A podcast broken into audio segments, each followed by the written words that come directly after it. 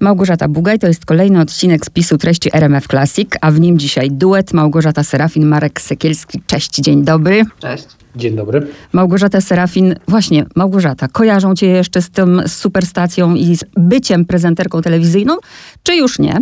Wydaje mi się, że nie, bo ja wtedy miałam takie, wtedy byłam starsza w ogóle, yy, mam wrażenie. Miałam krótkie czarne włosy i byłam panią w sukience a teraz mam e, blond kręcone loki i chodzę ubrana kolorowo. Ale to prawda, ja też obejrzałam te zdjęcia, to są dwie różne osoby. I tak. przede wszystkim jest coś zupełnie innego w oczach. W tych oczach teraz jest życie. Tak. A Marek Sekielski, nazwisko ma takie, no właśnie, ciąży ci to nazwisko Marku, czy nie? No bo wszyscy Sekielski to wiadomo, w którą stronę to idzie. To idzie w Siekielskiego, w, w, w Sekleckiego, i w TVN oczywiście, tak. Ale myślę, że za, za, moim bratem jeszcze bardziej się ciągnie TVN, bo mimo, że on w tym TVN nie pracuje już tam chyba z 10 lat, to ciągle mu mówią, że on jest tym Sykielskim z TVN. No. My się spotykamy w związku z waszą wspólną książką e, Jest OK, to dlaczego nie chcę żyć. Nie jest tajemnicą, a jeżeli dla kogoś, kto nas słucha, jest tajemnicą, to, to ja to dopowiem, że jesteście związani już jakby z tym tematem, bo sami dokonaliście takiego coming outu, ale dzisiaj nie jest to niczym nowym, Aczkolwiek jak czytałam niedawno wywiad z pewnym aktorem, który gra na wspólnej, powiedział coś takiego, że on bardzo żałuje, że on powiedział o swoim alkoholizmie, bo nagle stał się alkoholikiem, który gra w serialach i filmach, a nie aktorem. Moje pytanie jest takie, czy po tym, kiedy już powiedzieliście o swoich problemach, o depresji Gosia, o alkoholizmie Marek, czy żałujecie tego kroku, czy nie? Ja absolutnie nie żałuję tego. Nawet tak sama ze sobą czuję się dużo bardziej szczerze, że nie muszę niczego udawać, że nie muszę nikogo grać, kim nie jestem. Nie spotkałam się nigdy z takim, wiesz, nikt, nikt nie, nie nazwał nigdy depresantką. E, na pewno jestem kojarzona z depresją, bo, bo prowadzę podcast, gdzie rozmawiam z osobami zmagającymi się z depresją i innymi kryzysami psychicznymi, ale nie wiem, no tak ja się kiedyś śmiałam, że matrymonialnie to tak Google mnie teraz spozycjonowały bardzo ciężko, bo kiedyś wpisywało się Małgorzata Serafin, było prezenterka telewizyjna, no a teraz jak się wpisuje Małgorzata Serafin, to jest depresja i to może być odpychające matrymonialnie i tylko tyle. Y, ja też nie żałuję. Dla mnie powiedzenie o sobie było dosyć y, prostym zabiegiem, bo ja przez kilka lat terapii uzależnień y, wypracowałem też w sobie, doszedłem do takiego momentu, kiedy przestałem jakby w ogóle tej swojej, tej, tej części siebie się wstydzić, mieć żalu do siebie i stało się jakby dla mnie taką rzeczą zupełnie zwykłą i nie czułem, że mnie to definiuje w żaden sposób, to, że jestem uzależniony od alkoholu czy tam od innych substancji. No jestem, bo jestem, ale jakby życie moje polega na czymś innym i to, że o tym powiedziałem, było dla mnie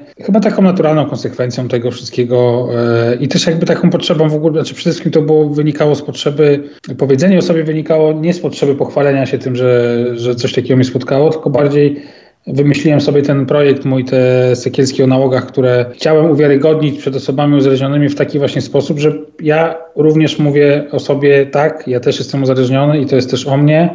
Bo potrzebowałem tego, żeby osoby, które y, są uzależnione mnie słuchały, żeby wiedziały, znaczy żeby czuły do mnie zaufanie i wiedziały, że, że nie siedzi tutaj, że nie jestem kolejnym dziennikarzem, który się próbuje zająć jakimś tematem, tylko robię to zupełnie z innej pozycji. Jeden z waszych bohaterów mówi coś takiego, że uzależnienia od alkoholu i narkotyków zostały już przez społeczeństwo oswojone. Ja się z tym zupełnie nie zgadzam.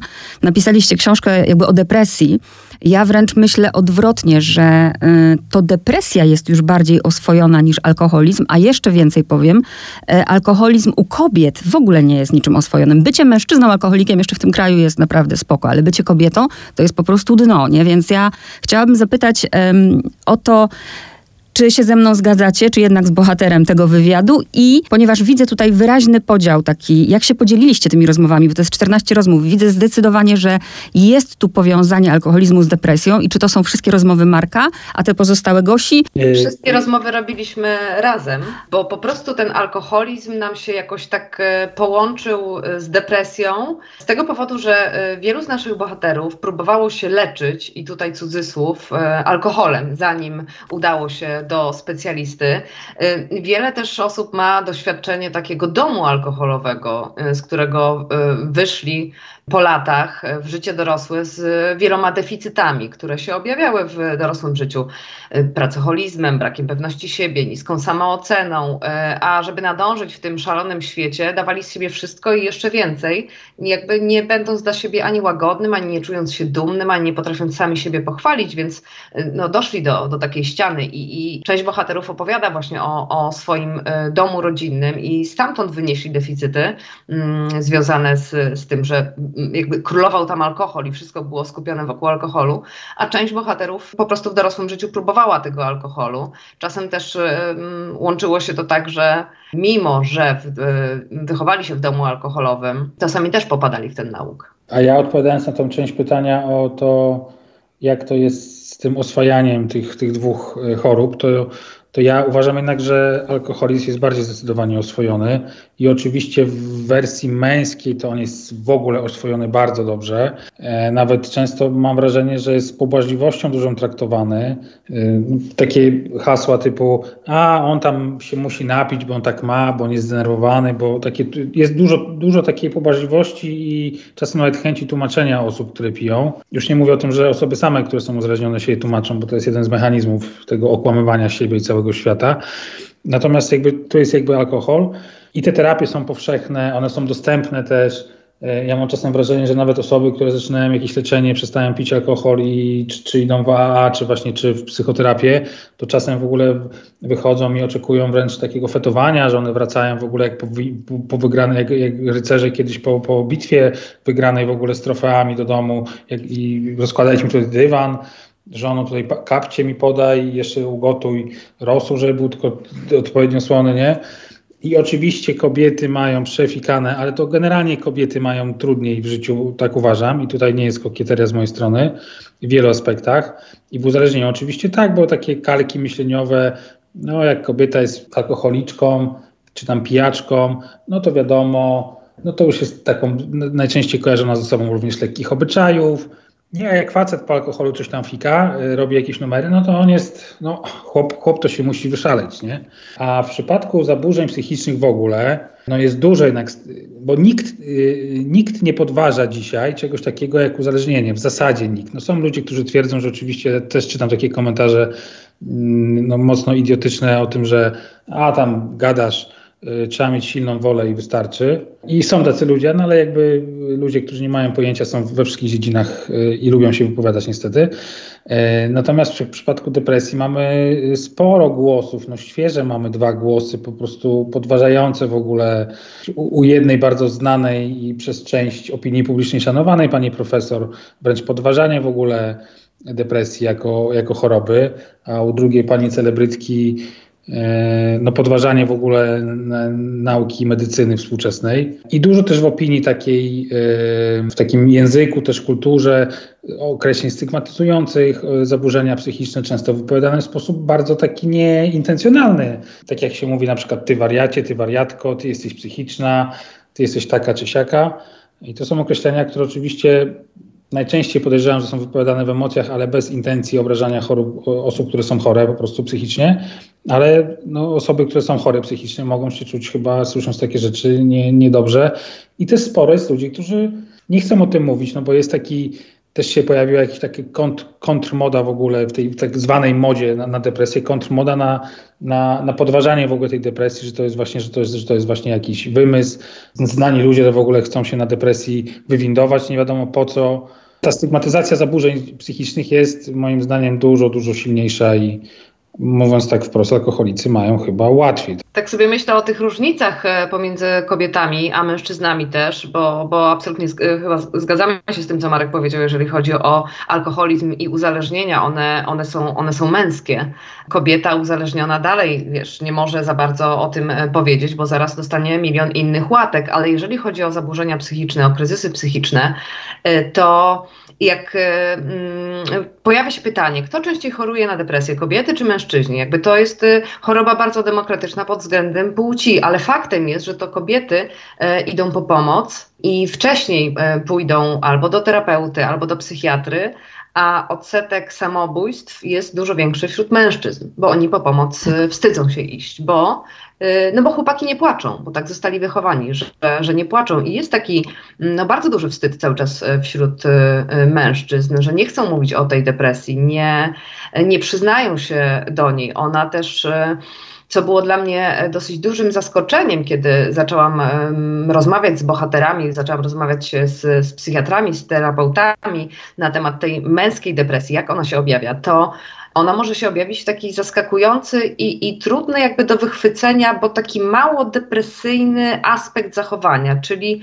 pobudzenie i agresję, gdzie depresja nam się kojarzy z absolutnym jakimś takim smutkiem, wycofaniem i, i zamknięciem, ale to jest taki, owszem, ona tak się może objawiać, ale wiele osób, ja na przykład miałam taką depresję e, wysoko funkcjonującą, że, że chodziłam do pracy i tam przywdziewałam e, maskę, że wszystko jest ok, ta praca mnie jakoś trzymała w ryzach. I nie znam zbyt wielu osób w depresji, które po prostu leżą i są smutne, ale taki mamy obrazek, kiedy pojawia się jakiś artykuł o depresji, no to tam jest najczęściej pada deszcz za szybą, Stoi osoba w oknie, jest smutna i płacze. E, ktoś jest ewentualnie leży pod kocem zwinięty, albo nie wiem, y, jest jakiś kamień, no tam jest szaro bardzo na tych zdjęciach ilustrujących e, depresję. To wcale nie, nie, nie musi tak wyglądać. E, no to, to jest choroba, której nie widać, więc to, że ktoś się uśmiecha, to nie znaczy, że, że nie ma depresji, a to, że ktoś jest smutny, to nie znaczy, że, że ją ma. To jest, no, to jest ukryta choroba niestety, którą też no, możemy tak y, sterować y, nasz wizerunek. Tak? -hmm. Ja wiem sama po sobie, jak, jak, y, jak bardzo to, to sterowałam, jak bardzo się do tego nie przyznawałam. Wydawało mi się to takie że to nie jest choroba, wiesz, ja sobie nie mogłam zmierzyć temperatury, że dzisiaj oho, mam tyle i tyle, to, to jest depresja. No nie, no to jest, to jest choroba, którą e, podważa społeczeństwo, którą podważa e, sama osoba, która jest chora i, i następuje taka stygmatyzacja i autostygmatyzacja, że zaciśnij zęby, inni mają gorzej, Kiedyś to były problemy, e, kiedyś to nie było depresji, kiedyś była wojna, ludzie przetrwali i nikt nie miał depresji. I wiesz, takimi, e, takimi hasłami e, człowiek się, się pociesza, mobilizuje do działania, odmawia sobie prawa do chorowania i bardzo często tak do, do momentu zderzenia się ze ścianą e, dochodzi. I wielu z bohaterów e, naszej książki tak e, zaciskało zęby, aż, no, aż prawie je połamało, nie? Że, mm -hmm. że, że musieli naprawdę dojść do, do fatalnego momentu. Czasem dopiero kiedy pojawiają się myśli samobójcze, zgłaszamy się po pomoc do specjalisty. Mm, to też jest moim doświadczeniem, że dopiero kiedy pojawiły się u mnie myśli samobójcze, poszłam do, do psychiatry, bo to już było coś tak przerażającego, tak, tak nie mojego i tak, tak silnego, no, że nad tym nie miałam kontroli. No bo jak jestem zmęczona czy smutna, no to mi się wydaje, że po prostu tak musi być. A dopiero takie, e, takie objawy, jak myśli samobójcze, często powodują, że ktoś idzie do specjalisty. 14 rozmów, to już mi odpowiedzieliście, że rozmawialiście y, zawsze w trójkę, tak? Czyli te rozmowy były razem. To też zaskoczenie, bo myślałam, że się właśnie jakoś podzieliliście tym nie trudno się domyślić, że chcieliście, żeby to były bardzo różne osoby wykonujące bardzo różne zawody i y, różny wiek. To widać. Ale na przykład, to mnie też ciekawi, bo każda z tych rozmów jest opatrzona tytułem i tym właśnie określeniem osoby poprzez zawód. No i mamy choreografkę, nauczycielkę, mamy fotomodelkę, ale nigdzie jednak tam nie pada, mówię, na samej tej tytułowej stronie nie pada alkoholiczka, właśnie depresantka. Ja też wracając jeszcze do tego alkoholizmu, bo może ja się czepiam, więc mnie po prostu tutaj um, usadźcie w, w, miejscu, bo łatwiej wydaje mi się, wracając do kobiet, mieć jednak depresję. Te kobiety, które tutaj również mają problem z alkoholem, mają depresję. Łatwiej ten alkoholizm zawsze ukryć pod depresją. Chcę zapytać właśnie, dlaczego nie identyfikujecie tych osób na okładkach, bo przecież nie jesteśmy tylko choreografkami, tylko nauczycielami, ale jesteśmy wszystkim córką, matką, synem i alkoholiczką na przykład. I druga rzecz, um, udało wam się namówić te osoby, e, bo zauważam, że jeden człowiek na przykład nie podaje nazwiska, jest, reprezentuje prezydenta jakiegoś miasta, a jednak reszta jest pod nazwiskiem. Ludzie się przecież mimo wszystko boją, więc jak wam się to udało i czy chodzi wam tutaj, czy macie taką misję po prostu, że edukujemy ten kraj, wszyscy jesteśmy chorzy? No, bo tak jest, że wszyscy jesteśmy chorzy w tym sensie, że tutaj demokracja jest i w alkoholizmie, i w, w, przy depresji jest absolutna, nie? I tutaj My podawaliśmy jakby te funkcje takie zawodowe, które pełnią te osoby, żeby e, czytelnik widział, że że to są osoby, które po prostu są bardzo różne. A wszystko inne jest w treści, więc y, tam nie trzeba czasem alkoholizmu na, nazywać alkoholizmem i tam jakiegoś romansu z alkoholem, że to jest uzależnieniowe, bo my też nie jesteśmy od tego, żeby tutaj osoby, z którymi rozmawiamy, diagnozować, tylko opowiedzieć, jakby da, dać im możliwość opowiedzenia tych historii, tak jak one chcą je opowiedzieć. A to, że są osoby, które pełnią mm, jakieś funkcje bardziej publiczne, albo mają, y, jest tam też dziewczyna, która jest y, wziętą adwokatką, prawniczką, więc boją się, no to też pokazuje, gdzie my jesteśmy w 2023 już roku w Polsce, gdzie są ludzie, którzy boją się do tego i teraz uwaga, słowo klucz, przyznać. Nie? Bo to wokół, wokół mówienia o sobie, że jestem chory na depresję, to pojawia się od razu taka zbitka, przyznaje się do tego, ktoś się do tego przyznał. No, a do czego się można przyznać? No, do jakiegoś takiego występku no, niecnego, nie? do jakiegoś przestępstwa, wykroczenia, do czegoś niefajnego. A to mówimy po prostu o uznaniu tego, że jestem na coś chory. Nie? Y, stygmatyzacja ludzi w, w różnych aspektach, y, stygmatyzacja ludzi chorych y, psychicznie jest bardzo duża w Polsce i z tego się biorą również te lęki i są osoby, które przez lata chorują i boją się o tym powiedzieć po prostu najbliższym nawet, nie? I, i trzymają to w sobie, więc nie są w stanie w ogóle tego przepracować w ten sposób, bo jakby trzymana taka no, najtrudniejsza rzecz w ogóle, którą człowiek pewnie niesie, trzymana w środku samemu ze sobą, no to jest po prostu doskonały przepis na to, żeby to eksplodowało w różnych tam formach ciałem, umysłem, nie wiem, zdrowiem, na różne sposoby, nie? bo ta psychosomatyka się tu włącza i ta depresja też ściskana e, w brzuchu gdzieś tam też w końcu wychodzi w jakiś sposób, nie? Gosia, zadam Ci to pytanie wprost. Byłaś prezenterką telewizyjną. Podejrzewam, że rodzice byli mega dumni. Sąsiad dzwoni, córka w telewizji. Wy powiedzieliście przed chwilą, że wy się cieszycie, że zrobiliście ten coming out, ale jestem ciekawa, jak z waszymi bliskimi? Czy na przykład e, ojciec czy mama nie dzwonili i nie powiedzieli, źle zrobiłaś. Nie, nie będziesz miała powrotu do telewizji. Oni ci już nie zatrudnią, bo już powiedziałaś, że chorujesz. Nie, nie mieli takich obaw. Na pewno była to dla nich um, dosyć trudna sytuacja że ta, ta córka, która do tej pory występowała w, w telewizji, teraz będzie występowała na YouTubie i mówiła o tym, że ma depresję, ale ja im wcześniej o tym powiedziałam. Oni też e, wiedzieli przy, przy moim drugim epizodzie depresyjnym, że mam depresję, bo, bo kiedyś im tego nie powiedziałam parę lat temu, ale e, teraz e, wiedzieli i też widzieli, ile mnie to kosztowało i no i było to dla nich na pewno dosyć um, trudne, ale nie powiedzieli mi nigdy nie rób tego programu, to ci zaszkodzi. I, i teraz właśnie. Y, Wiesz, to teraz jest niesamowite, że, że ten sąsiad dzwoni i dziękuję za książkę, i dziękuję za program. I okazuje się, że okej, okay, ja sobie tam robiłam wywiady z politykami, no dobra, ale jakby teraz robię coś, co jest takie bardzo bliskie e, wielu osobom i, i tak też przełamuje ten wstyd. Ja też widzę wiesz, po, po, po komentarzach i po wiadomościach, które e, e, dostaję po, po programie, że ludzie się przestali wstydzić. I widzę po, po liczbie zgłoszeń i, i do swojego programu, i do Marka do programu. Ci ludzie po prostu się zgłaszają, są gotowi, żeby, żeby opowiedzieć przed kamerą e, swoją historię, co, co no, jest takie niespodziewane, bo, bo, bo nie ma takich rozmów takich programów w Polsce, żeby mm, siadała alkoholik albo siadała osoba po kryzysie psychicznym przed kamerą i, e, i, i, i opowiadała. Więc e, Wiesz, jest to na pewno taki, taki dosyć duży przeskok, ale ja teraz mam, mam oczywiście takie poczucie misji i ono nie jest absolutnie sztuczne. Mam, mam takie poczucie, że skoro ja, ja się pozbyłam tego wstydu, do mówienia o depresji, bo dlaczego mam się wstydzić, że zachorowałam? I skoro potrafię rozmawiać, E, to chcę to wykorzystać. I, no i to jest teraz moje, moje e, pole takie zawodowe e, do, do działania. To jest ciekawe, co się stało, bo nawet zastanawiając się nad pretekstem tej rozmowy w spisie treści, pomyślałam o tym, że 11 lutego jest Światowy Dzień Chorych i nikt nigdy o chorych nie myśli w kategoriach chorzy na depresję. Raczej myślimy, prawda, o onkologii, o wszystkich leżących w szpitalach.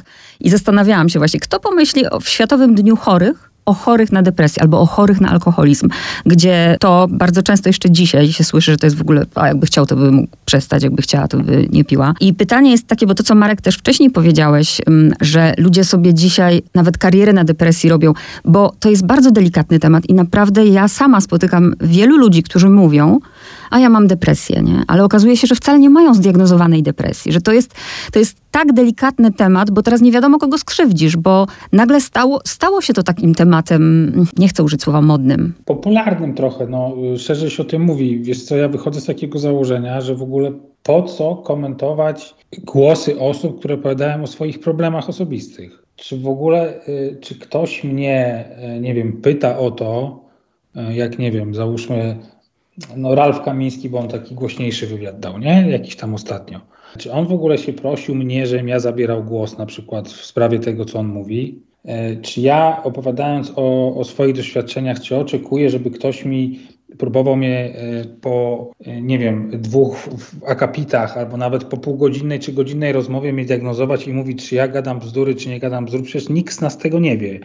Diagnozowanie depresji to też nie jest pstryknięcie palcem i w ogóle grzebanie w zdrowiu psychicznym, jakby i w ogóle próba ustalenia, czy ktoś, e, nie wiem, udaje, czy nie udaje, tego się nie robi z pozycji y, komputera, ktoś sobie tam siedzi w swoim pokoiku, trzyma laptopa na kolanach i ja się teraz wypowiem i kogoś skomentuję, bo, bo ja go tak naprawdę go nie lubię i wyleję na niego swoją frustrację.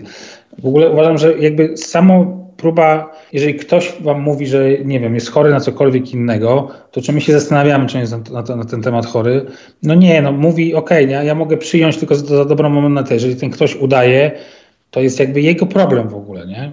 Nic mi zupełnie do tego. Ja bym w życiu nie wchodził w ogóle w rolę taką. Nigdy nie robiłem czegoś takiego, żeby próbować oceniać, czy ktoś jest rzeczywiście chory na depresję, czy może po prostu ma jakieś zaburzenia depresyjne, jakiś kryzys psychiczny, załamanie nerwowe, które jest innym trochę. Ja wiem, że to jest oczywiście wszystko płynne, tak jak mówisz, masz, masz rację. I czasem ta granica jest pewnie, ta linia jest gdzieś cieniutka bardzo. E, natomiast kurczę, dajmy sobie w ogóle, fajnie by było, gdybyśmy y, w tym pięknym świecie, gdyby każdy z nas przede wszystkim zajął się sobą i przestał w ogóle oceniać i opiniować ludzi dookoła na podstawie jego jakiegoś wyobrażenia, jego tak zwanego chłopskiego rozumu, bo na chłopski rozum to ja przez ostatnie dwa lata czytałem tyle fantastycznych tekstów na temat tego, czy jest COVID, czy jest pandemia, czy tak zwana plandemia, E, no, żeby oczywiście na krótką metę się z tego wszystkiego można śmiać. Oczywiście przy dłuższym wejściu w temat to się zaczyna robić po prostu tragiczne, bo, bo to, że ludzie zaczynają słuchać i wierzyć e, jakiejś byłej gwieździe muzyki, jakiejś celebrycce, byłej podróżniczce, e, albo nie wiem, jeszcze komuś innemu, kto w życiu w ogóle się nie otarł o medycynę, o badania kliniczne, o, o, o tą całą branżę zdrowia i próbuje być najmądrzejszy i definiować to, jak ludzie mają inni rozumieć świat, nie? W takich aspektach. Kurczę, my od takiego wieku, kiedy naprawdę ta nauka stała się takim motorem napędowym w ogóle całego świata, odchodzimy w ogóle od od jakby, y, mam wrażenie, ufania też y, osiągnięciom nauki i wchodzimy w jakąś taką erę foliarstwa naprawdę takiego zmasowanego. Ta pandemia nieszczęsna niestety miała tutaj duży wpływ, no ale takie są czasy. No. Zawsze warto, e, kiedy się wygłasza jakikolwiek komentarz na, na, na, na, na temat czyjkolwiek jego zdrowia na przykład, przede wszystkim, e, zastanowić się przez chwilę chociaż, co bym sobie ja pomyślał, co bym sobie poczuł, poczuła, gdyby ktoś mnie w taki sposób potraktował, jak ja chcę potraktować tą drugą osobę. Nie? Wydaje mi się, że, że te, te, ten język psychiatryczny on, i choroby psychiczne mają tak dużo stereotypów, że e, mamy taką dużą łatwość w tym, co Marek mówił wcześniej, że żeby obrazić kogoś na przykład, że jest wariatem czy, czy wariatką, to używanie tego słowa chyba mam depresję jest takie bardzo łatwe. Ja sobie wtedy myślę, myślę, że naprawdę nie życzę ci nigdy, żebyś poczuł ten stan, jakim jest depresja, ale wiesz, to jest tak, tak powszechne, że no nie wiem, ktoś, e, są takie hasła jak jesienna depresja, owszem jest zjawisko jesiennego obniżenia nastroju, ale hasło depresja jest już tak e, wyprane, już tak e, rozdrobnione, no że potem przestaje się wierzyć osobom, które, które mają depresję. I, i, i akurat w przypadku właśnie zaburzeń psychicznych i tego nazewnictwa psychiatrycznego, to wszystkim przychodzi zdecydowanie bardzo łatwo, bo no jakoś tak nawet jak ktoś powie, chyba mam depresję, to, to, to, takim żartem trochę zalatuje, bo wtedy się pojawiają uśmiechy. Ale nie przypominam sobie, żeby ktoś, e, żebym się spotkała z czymś takim, że no, że ktoś, coś kogoś boli i, i, i wiesz, w ramach tego żartu chyba mam raka. No z raka się nie żartuje, a z depresji się żartuje. Albo wiesz, była taka sytuacja, która y, mnie na przykład bardzo oburzyła, że jeden z salonów fryzjerskich reklamował się, masz traumę po wizycie u fryzjera, albo w ogóle wiesz, mówienie o tym, że mam po czymś traumę, jest tak, takie powszechne. Przy czym naprawdę też nikomu nie życzę traumy. To jest straszna sytuacja, którą się bardzo ciężko i bardzo długo leczy. Mówimy, ktoś na przykład y, ma jakąś taką słabość, albo na przykład w popkulturze jest to pokazane bardzo śmiesznie. W Dniu Świra, tak, jest nerwica natręctw i ona jest zabawna, bo to z boku wygląda e, dosyć zabawnie, e, a to jest straszne cierpienie osób mających nerwicę e, natręt. Tak samo politycy bardzo lubią zwracać się do siebie per ten schizofrenik, ktoś ma schizofreniczne poglądy. To wynika z absolutnej nieznajomości tego, czym jest ta choroba, bo to nie jest to rozdwojenie jaźni, o którym się myśli. To jest zupełnie inna jednostka. A w związku z tym, że tego nie wiemy, że tak świetnie te choroby psychiczne sprzedają się w popkulturze, w książkach, dobrze w kryminałach zawsze, żeby był jakiś wariat z siekierą, no to, to potem to tak wygląda, jak wygląda. No jakby inne choroby nie są używane w, w popkulturze, żeby, mm, no, żeby zrobić widowisko. Ważne słowa. A powiedzcie, co jeszcze musi się stać? Bo ja w ogóle mam wrażenie, a siedzę w tym temacie, tak jak mówię, 12 lat. Jest dużo książek o depresji, jest dużo książek o uzależnieniach. Ludzie z tym wychodzą, jeszcze teraz w świecie podcastów. Tego naprawdę jest dużo. Co się jeszcze musi stać? Przecież Gosia z tobą czytałam teraz, bo pojawiłaś się w książce Agnieszki Jucewicz, prawda? Czasem boli mocniej. Tak. E, I teraz jest wasza wspólna książka. Mm, kiedy będziemy mogli mówić, że już dosyć, że, że ludzie już przecież powinni wiedzieć, że się nie mówi o y, alkoholizmie czy o depresji, żeby walczyć z tą chorobą, że z takimi chorobami się nie walczy w ogóle. Nie, to nie ma y, czegoś takiego. Ile jeszcze musi powstać podcastów, książek, takich wywiadów, żeby do ludzi to dotarło? Bo mam wrażenie, że tego jest tak dużo, a, a wciąż nie ma postępu. Nie wiem, ja, ja, myślę, że tutaj nie wiem, czy coś się musi wydarzyć tak literalnie, natomiast musi po, też chyba pokolenie przeminąć pewne i e, zmiana pokoleniowa jakaś nastąpić. Bo jak ja patrzę, nie chciałbym tutaj stygmatyzować osób starszych ode mnie, ale jak y, czytam czasem właśnie takie skrajne opinie, to takich, tak jak to się brzydko teraz określa, się mówi dziadersi, i to dotyczy nie tylko panów starszych, ale też trochę starszych kobiet, jest jednak dużo takiej nieświadomości, nie? bo to są pokolenia, które są wychowane w ogóle bez jakiejkolwiek psychologii gdzieś w obrębie swoim, e, więc oni dzisiaj, będąc już dojrzałymi, ukształtowanymi ludźmi, się dowiadują pewnych rzeczy. Ja nie wiem, nie znam ich konstruktów psychologicznych i nie będę tutaj jakby się tym zajmował, ale jest coś takiego pewnie, że dla nich jest to jakieś złamanie w ogóle zasad funkcjonujących ich światem, nie? Bo kiedyś rzeczywiście było takie podejście, no dobra, przewróciłeś się, powstań, walcz dalej, nie? Jakby jedyne, co może zrobić, to przestać się nad sobą żalać i facet ma iść do roboty i ma tam w ogóle te żarcie do domu przynosić i, i, i ten, a kobieta ma być miła, grzeczna, usłużna, ogarniać chatę, dzieci, męża, i w ogóle nie wiadomo jeszcze, jeszcze rodziców swoich, rodziców jego najlepiej, nie? Więc jakby są różne role przepisane. Ten świat się mocno zmienia przez ostatnie lata, bardzo mocno. Internet tutaj pewnie też dużo, dużo wniósł, bo świadomość ludzi tego, jak świat wygląda, a jak my tu wyglądamy na naszym tutaj grajdołku, no jednak dla wielu osób mogło być szokujące i, to, i, i, ten galop taki cywilizacyjny następuje i wiele ludzi jest na to niegotowych chyba po prostu. E, my jesteśmy, mam wrażenie, e, Małgorzato, my z tego rocznika 78, e, takim chyba pierwszym pokoleniem w ogóle ludzi, którzy gdzieś świadomie w takiej wczesnej dorosłości swojej się zetknęli z czymś takim i mamy szansę gdzieś się czegoś o sobie dowiedzieć, będąc w jakichś procesach terapeutycznych, przez to trochę patrzeć inaczej na świat, zauważać to, jak, jak się dzieci wychowuje, jak się wychowało kiedyś, zauważać błędy swoje w tym wszystkim. Jakby no, uczymy się w ogóle czegoś więcej niż tylko e, nauki chodzenia do, do, do, pracy, wracania do domu, zajmowania się tam, nie wiem, jakimś czasem wolnym i spaniu, tylko gdzieś pracujemy nad sobą po to, żeby być też trochę lepsi dla siebie i dla innych. I potrzeba lat, żeby się wymieniło te, e, po, po prostu jednostka ludzka. I pewnie będzie lepiej z czasem. No, tak Ale ty masz rację, wiesz, ja się z tobą całkowicie zgadzam, bo teraz mi uświadamiasz, kiedy na przykład rozmawiam z ludźmi i na przykład tłumaczę i oni kiwają głowami, rozumieją, intelektualnie rozumieją, że na przykład coś jest chorobą, po czym dwa dni później jest a kiedyś też ludzie mieli depresję, ale o tym się nie mówiło, depresja i tak dalej. I zastanawiam się w takim razie, czy te książki, czy te rozmowy, w ogóle coś, y, jak ktoś jest zamknięty, to do nich to nie trafi, nie? No, no mi chodzi dokładnie o to, to, wiesz, to, co na przykład powiedziała niedawno profesor Magdalena Środa, mogę to powiedzieć chyba panią. No to jest pani już y, ode mnie wyraźnie starsza. E, no, że ona coś takiego napisze w swoim felietonie, że ona powie, że to jej zdaniem w ogóle jest moda, która do nas przyszła z zachodu, ta depresja cała. Ja bym się mógł spodziewać po wielu osobach czegoś takiego, natomiast nie po niej, natomiast ona to zrobiła.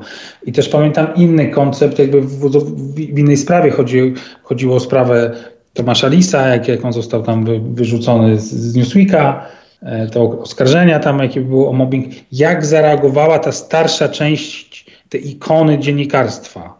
No przecież to było to, to co robili Jacek Żakowski, ta trzutka cała z TOK FM. No przecież to było w ogóle wołające o pomstę do nieba. Stowarzyszenie takich y, no, dojrzałych już panów, którzy w ogóle nie zauważyli, że świat jest w innym miejscu i to, że ich kiedyś wychowano w takiej kulturze z takiego zapierdzielu, że, że można gnoić podwadnego, bo, bo w dziennikarstwie tak się robi, no właśnie się tak nie robi już. Właśnie o to chodzi, że tak się nie robi. Skoro ludzkość doszła do, e, e, też poprzez badania, że pewne rzeczy po prostu zostają w człowieku, niszczą psychikę człowieka i doszła do tego, że takich rzeczy nie należy robić, to my to po prostu przyjmijmy i zaczynajmy zmieniać ten świat, żeby on był lepszy po prostu. Nie? Przecież tutaj nie chodzi o jakąś rewolucję, nie wiadomo co, tylko o to, żebyśmy byli dla siebie trochę bardziej wyrozumiali, empatyczni i nie robili sobie przynajmniej do jasnej cholery krzywdy. Nie? No, e, ja to wiem, wy to wiecie, ale jest masa ludzi, które kompletnie tego nie rozumieją jeszcze. Nie? Media odgrywają dużą rolę w, w nauce tego języka i um, ja sama widzę, um, ilu dziennikarzy pojawia się na, na szkoleniach organizowanych przez różnego rodzaju fundacje na temat języka w sprawie zaburzeń psychicznych. Bardzo mało, a um, poznałam sporo osób robiąc wywiady na temat schizofrenii, to, to, to jest najbardziej stygmatyzowana e, choroba psychiczna i one bardzo dbają o to, bardzo zabiegają, żeby nie mówić o nich schizofrenicy tylko osoby doś, z doświadczeniem tak. e, schizofrenii. I właśnie to, to przegrywanie z rakiem, przegrywanie z czymś, przyznawanie się do depresji, to jest język, który po prostu należy zmienić. I tutaj też jest rola mediów, która e, kształtuje ten, e, ten język. Jeżeli media się będą tym e, zajmowały w odpowiedni sposób i będą to odpowiednio nazywały, no to też ma to wpływ na, na społeczeństwo, prawda? Więc no takie właśnie przegrywanie, wygrywanie z chorobą albo przyznawanie się, no, trzeba zastąpić zupełnie e, innymi słowami, żeby to, no, żeby to nie było na zasadzie takiej jakiejś walki, zwycięstwa, porażki. Ja na przykład żyję z depresją. Właśnie. I się z nią uswoiłam. Też jestem zdziwiona, że na przykład, e, nie będę podawać nazwisk, ale bardzo dużo tych książek się pojawiło i też gościli u mnie ci ludzie, e, którzy opisują swój, swoje uzależnienie na przykład, mówią, byłem alkoholikiem, byłam alkoholiczką. Przecież jak, jak, jak ktoś cierpi, doświadcza alkoholizmu, to wie, że to jest choroba, nie ma czasu przeszłego, że to jest nawrotowe, e, że to jest przewlekłe, że to jest śmiertelne. I mam tu od razu pytanie, bo też byłam zdziwiona, e, kto pisał ten, m, mm, tutaj na okładce jest coś takiego, że zebrane w książce rozmowy to również dowód na to, że z depresji da się wyjść, że jest nadzieja na wyzdrowienie, choć wewnątrz ledwo tli się wola życia. I muszę was dopytać, bo ja mam wrażenie, że z depresją jest bardzo podobnie. Depresja jest chorobą nawrotową. Z depresji się nie wychodzi raz na zawsze. Czy mnie poprawcie? Są takie przypadki, że można ją mieć raz, można mieć jeden epizod, ale, e, ale jeżeli już się pojawi drugi, no to już się wchodzi w tą, w tą, w tą jakby ścieżkę nawrotową, że dokładnie nie pamiętam jak to jest, ale że w przypadku, gdy pojawią się dwa epizody, to to prawdopodobieństwo trzeciego już jest procentowo jakieś dużo, dużo większe, ale można mieć na przykład jeden epizod y, depresyjny. Przy czym no, ta, ta, y, ta depresja, jeżeli chodzi o wychodzenie z niej, to jest tak, y, mm, tak, no, tak jeden do jednego, czym jest w, w geograficznej nomenklaturze depresja, prawda? Że to jednak to jest wyjście z tego dołka do normalnego funkcjonowania, że, że przyjmujesz farmakoterapię, że jesteś w terapii też i po prostu żyjesz i funkcjonujesz, więc e, da się z niej wyjść z tego stanu e, załamania, kiedy jesteś sparaliżowany chorobą i nie jesteś w stanie działać. Za pomocą właśnie leków, e, za pomocą farmakologii i terapii da się wyjść, funkcjonować i żyć normalnie. Też zwróciłam uwagę, że chyba jeden albo dwoje bohaterów w waszej książce.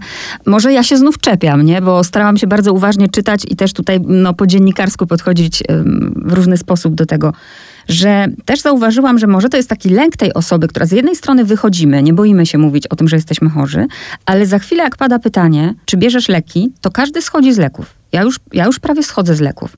Ja byłem tylko dwa miesiące na terapii. Ja czuję w tym taki, taki lęk, takie ubezpieczanie się. Czy się czepiam? No pewnie taki lęk właśnie przed tym, żeby ktoś nie pomyślał, a kurczę, tą to pogięło za mocno, nie?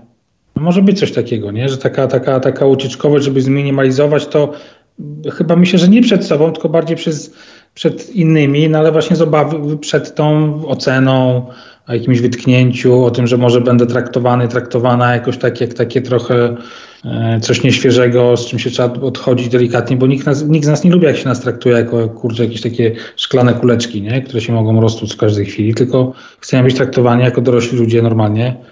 E, I to może być trudne, ale to wynika pewnie z tego właśnie wszystkiego, z takiego wstydu ciągłego przed tym, że choroby psychiczne są uznawane jako coś absolutnie takiego złego też, no chyba jakiegoś takiego złego, szalonego, mm, coś, co jak się trafi, to już jest w ogóle koniec świata.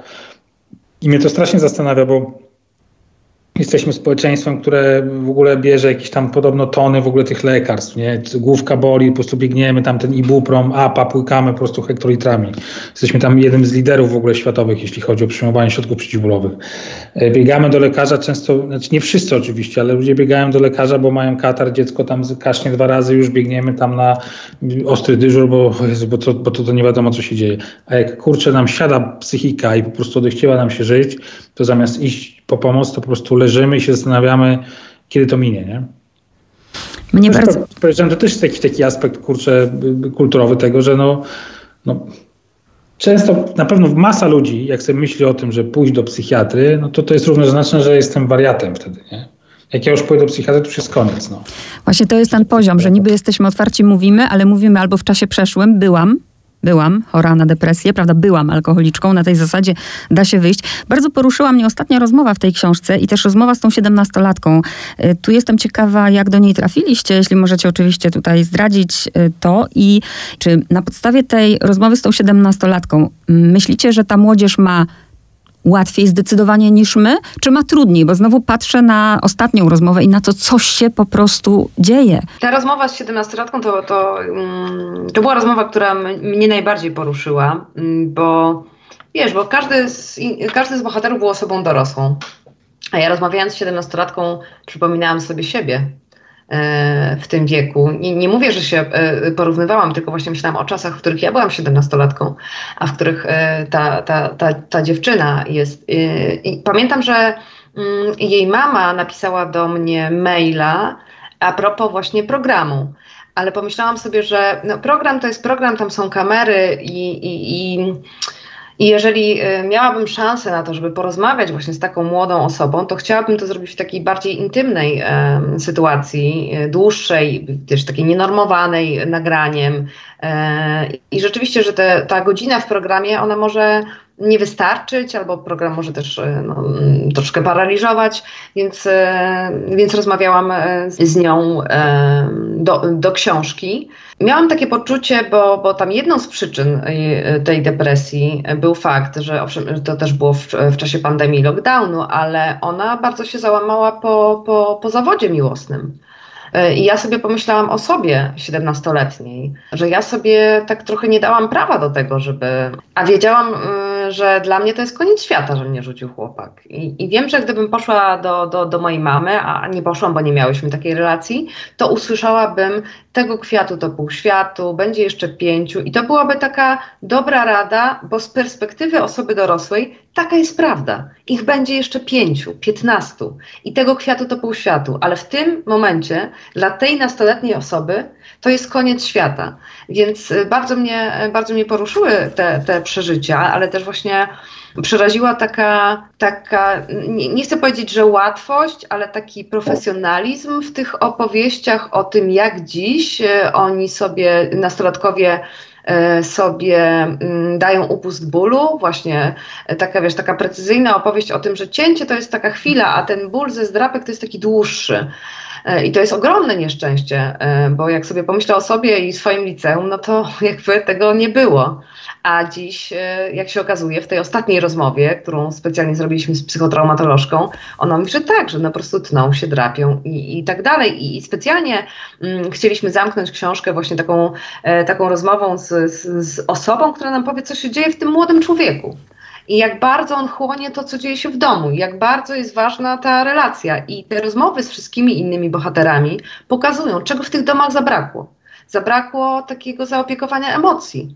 Bo mimo, że było zaopiekowanie na poziomie e, finansowym, bezpieczeństwo, dach nad głową, wyżywienie, poziom edukacyjny, to tego e, zaopiekowania emocji nie było. I, i, i ta właśnie ostatnia rozmowa z, z, z terapeutką dzieci i młodzieży pokazuje, jak to jest ważne, że, że te dzieciaki trzeba dostrzegać i że e, no i że one dziś z jednej strony bardzo dużo wiedzą, bo mają dostęp do internetu, ale y, ten internet ma też drugą stronę. Ja na przykład myślę sobie, że się cieszę ogromnie, że kiedy chodziłam do liceum, nie było internetu, nie było Instagrama nikt, wiesz, nie był w stanie zrobić mi zdjęcia, przerobić go w Photoshopie i rozsyłać. Wiesz, to są takie dramaty i słyszymy raz na jakiś czas właśnie o samobójstwie nastoletniej osoby, bo jej zdjęcie bądź filmik z nią był rozsyłany i ona sobie z tym nie poradziła. E, więc e, myślę, że teraz dzieciaki mają, mają koszmarnie trudny świat. Jeden, bo macie też właśnie takie, bardzo fajne są te, te tytuły i te teksty, które są um, zawsze na lewej stronie i w jednym z tekstów jest właśnie, że niezaopiekowane emocje nie znikają. My możemy uciekać w, w różny świat, w świat zdrapek, jedzenia, hazardu, alkoholu, czegokolwiek, e, ale jak się nie zaopiekujemy tą emocją, to ona nie zniknie. I dobrze, że powstała ta książka i może właśnie kolejna osoba przeczyta ten wywiad i pójdzie po pomoc. To, to by było oczywiście cudowne. Powiedzcie, jak się pisze książkę w dwie osoby, bo nawet jak się rozmawia, słuchajcie, to jest to proces dwa razy dłuższy, nie? Y, I zawsze się też ma poczucie później, że ktoś jest pokrzywdzony, ktoś mówił więcej, ktoś mówił mniej. Ja jestem ciekawa w procesie, no dobra, wywiadowania, no to siadaliście razem, każdy, pewnie była rozmowa, pewnie to były długie spotkania, każdy z was zadawał pytania. A w procesie pisania, jak to wyglądało? No my się podzieliliśmy tak, że, że Gosia robiła y, transkrypcję z, tej, z tych rozmów, bo ona lubi usiąść i tam sobie matematykę pouprawiać na klawiaturze taką.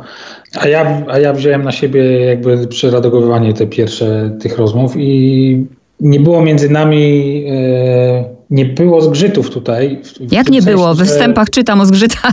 Nie, nie, na, na etapie takim czy, czystych prac, nie? że jakby ja się nie wtrącałem w to, co mi dostarczyła Gosia, znaczy wtrącałem się o tyle, że jakby no musiałem to jakoś tam y, y, zmienić trochę, ale też Gosia nie, nie, nie wchodziła, później nie podważała, że ja coś tam, bo ja mam wrażenie, że uczciwie to robiłem i nie jestem z tych dziennikarzy, którzy tworzą wywiady na nowo, e, bo wiem, że tacy są i mają takie pióro i też potrafią to fajnie robić. Natomiast ja, ja jakby starałem się po prostu to spolszczać wszystko i tu nie było żadnego problemu między nami. Mieliśmy problemy tak naprawdę ze sobą każdy z nas indywidualnie w trakcie prac nad tą książką po prostu mieliśmy te swoje zjazdy nastrojów i one się niestety nie pokrywały w tym samym czasie, więc nie było tak, że okej, okay, to w lutym się oboje za, zanurzamy i nas nie ma, ale w marcu weźmiemy się do roboty.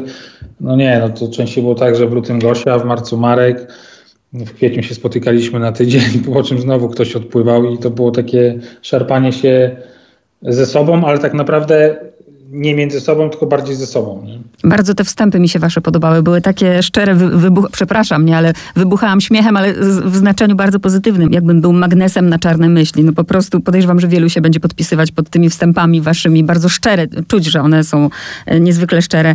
Poszło z wątroby tak głęboko, no, to był trudny dzień. I...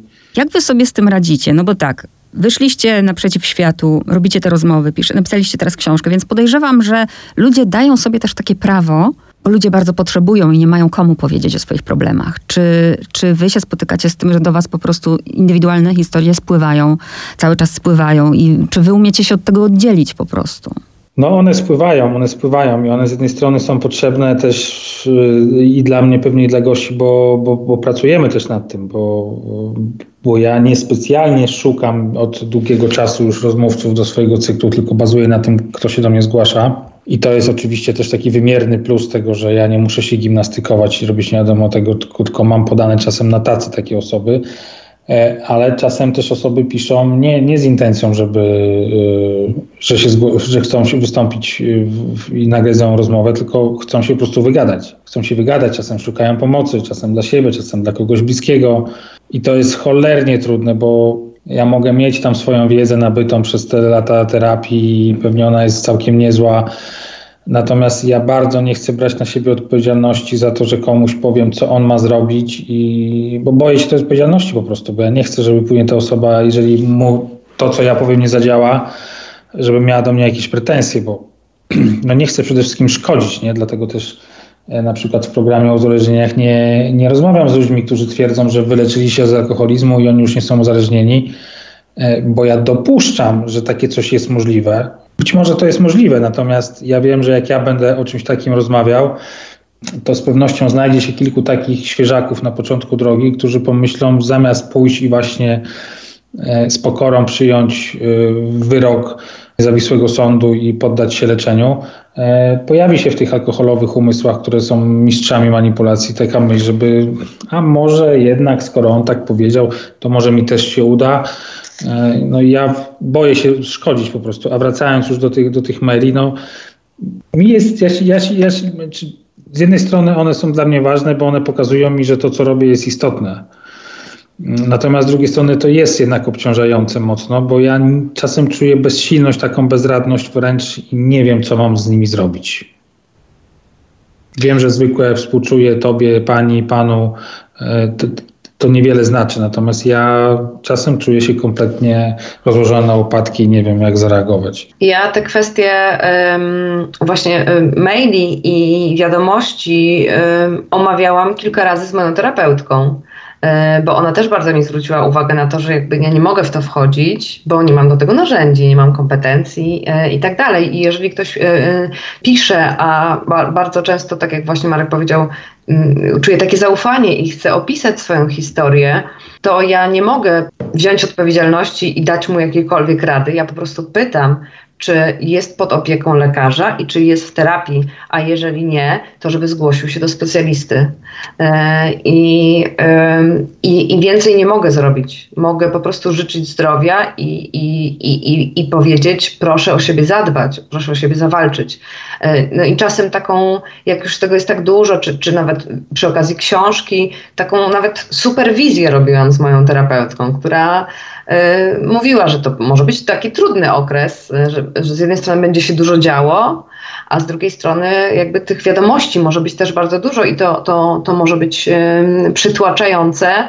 Mm, ale no, no wiem, że jakby nie, mogę w to wchodzić i tak do, dogłębnie, E, i też nie mogę nic, e, nic poradzić oprócz tego, żeby sięgnąć po pomoc. Tak? Jakby każdemu staram się zawsze odpisać na, na wszystkie wiadomości, e, żeby, żeby sięgnąć po pomoc. Czasem ludzie też Wiesz, bardzo często piszą, że oni dzięki temu programowi, który ja prowadzę, poszli e, do lekarza i, i, i zaczęli się leczyć, więc ja wtedy e, bardzo dziękuję i, i, piszę, że życzę wszystkiego dobrego i żeby było, e, żeby było coraz lepiej, bo, bo wiem też, że więcej nie, nie, nie mogę zrobić ze względu na to, że no nie mam na to narzędzi, nie jestem, nie jestem terapeutą, nie, nie mogę tego dźwignąć. Mhm. Pisząc o swoich problemach, pisząc nawet to we wstępie, nie? gdzie czuję się, że to nie jest tak, że już macie poukładany świat, tylko wiadomo, są, są dołki, są góry. Jeśli spotykacie się z hejtem, czy to Gosia, bo myślę, że Markowi jest łatwiej jako mężczyźnie, że załóżmy właśnie yy, ktoś powie, nawiązując do tego, czym się zajmowała, że teraz wieziesz się na takich tematach, czy ty naprawdę się tym nie przejmujesz? Czy wy naprawdę się nie przejmujecie hejtem? Wiesz co, tego hejtu to yy, naprawdę jest tam, nie wiem, 2%.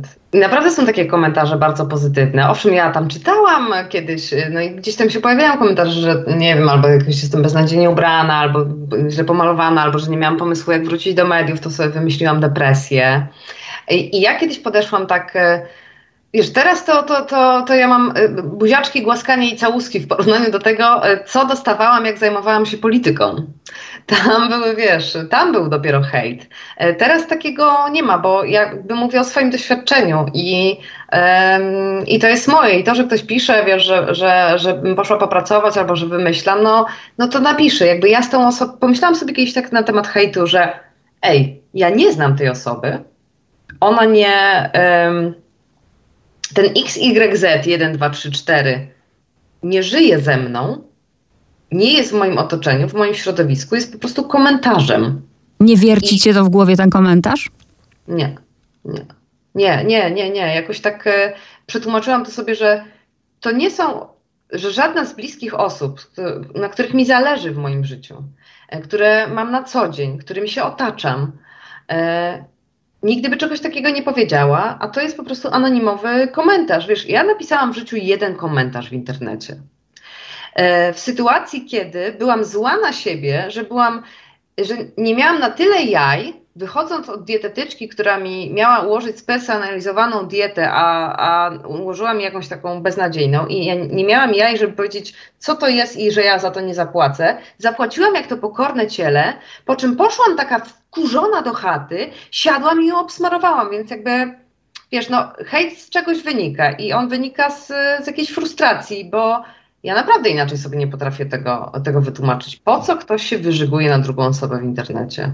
I nie odbieram tego. No, wiesz, bardzo by mi było przykro, jakby na przykład y, y, Marek mi powiedział jakąś taką bardzo ostrą rzecz. No to bym to przeżyła, tak? Bo jest moim przyjacielem. To Markowi zadam pytanie właśnie takie. Może nie XYZ z internetu, kogo nie znasz, ale załóżmy ktoś, wiesz, z branży, twój kolega, producent, mm, przysmaruje ci uszczypliwie coś powie, bo na przykład zazdrości ci, że kurczę, masz fajny podcast i wiesz.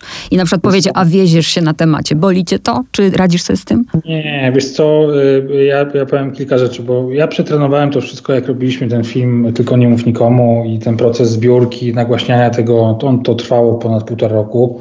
Więc ja wtedy szczęśliwie zacząłem też czytać mądry, y, mądrych ludzi i też trafiłem na, na, na, na, na ludzi, którzy opowiadali o tym, E, opowiedzieli coś bardzo ważnego dla mnie, co zmieniło jakby moje myślenie o tym, że no my jesteśmy jako homo sapiens tak skonstruowani, że skupiamy się zawsze, automatycznie się skupiamy na zagrożeniu. Czyli jak się pojawia jakiś negatywny komentarz e, pod, pod naszym nagraniem, gdzie jest 100 komentarzy, super, chłopaki do boju, w ogóle jesteście świetni i pojawia się jeden, jakaś jedna osoba, która coś tam się wyleje, to naturalną cechą ludzkiego mózgu jest zawiesić się na tej negatywnej, nieprzyjemnej wiadomości.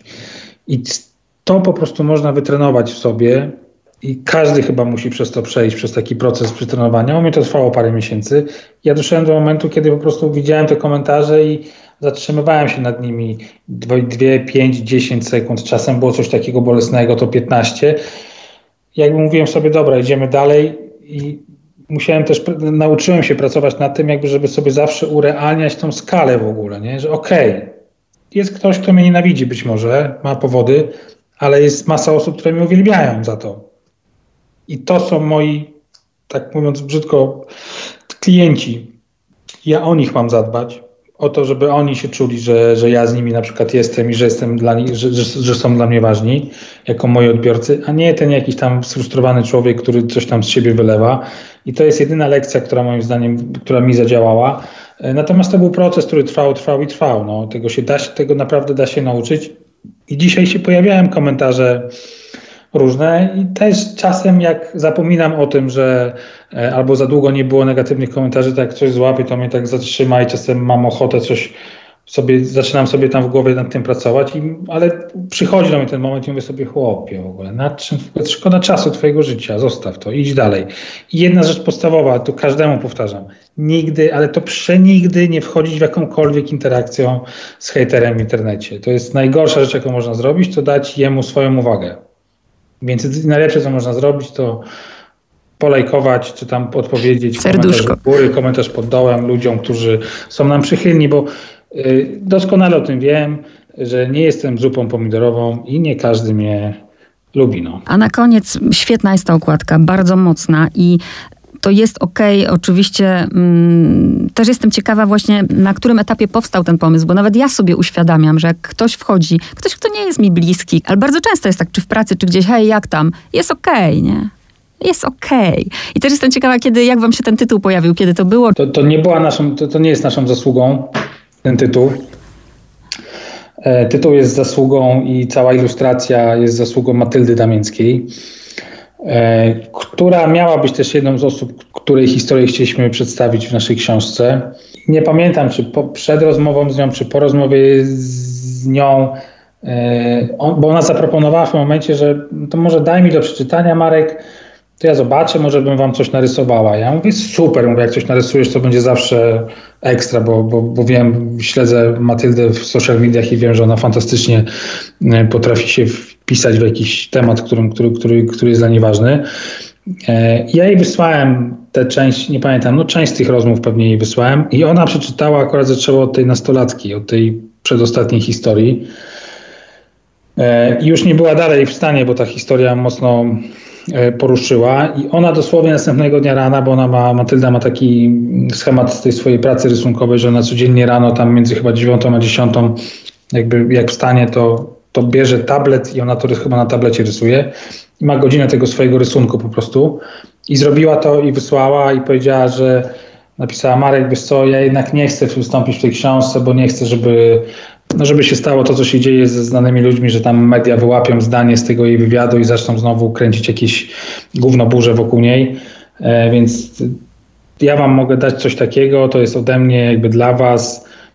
To może być ilustracja tej rozmowy z nastolatką. Jak ja to zobaczyłem, pokazałem to Gosi, też jakby ja od razu wiedziałem, że to jest w ogóle okładka książki, że to jest tytuł książki, bo to jest jakby to.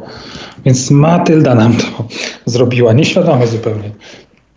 Ale bardzo jestem za to wdzięczny, bo to naprawdę świetna ilustracja i jakby oddająca w 100% to, co, co ta książka przekazuje, nie? że e, to jak e, my maskujemy swoje właśnie jakieś niedobory, jakieś bóle w środku i przykrywamy je takim, takim kolokwialnym właśnie jest ok albo wszystko dobrze.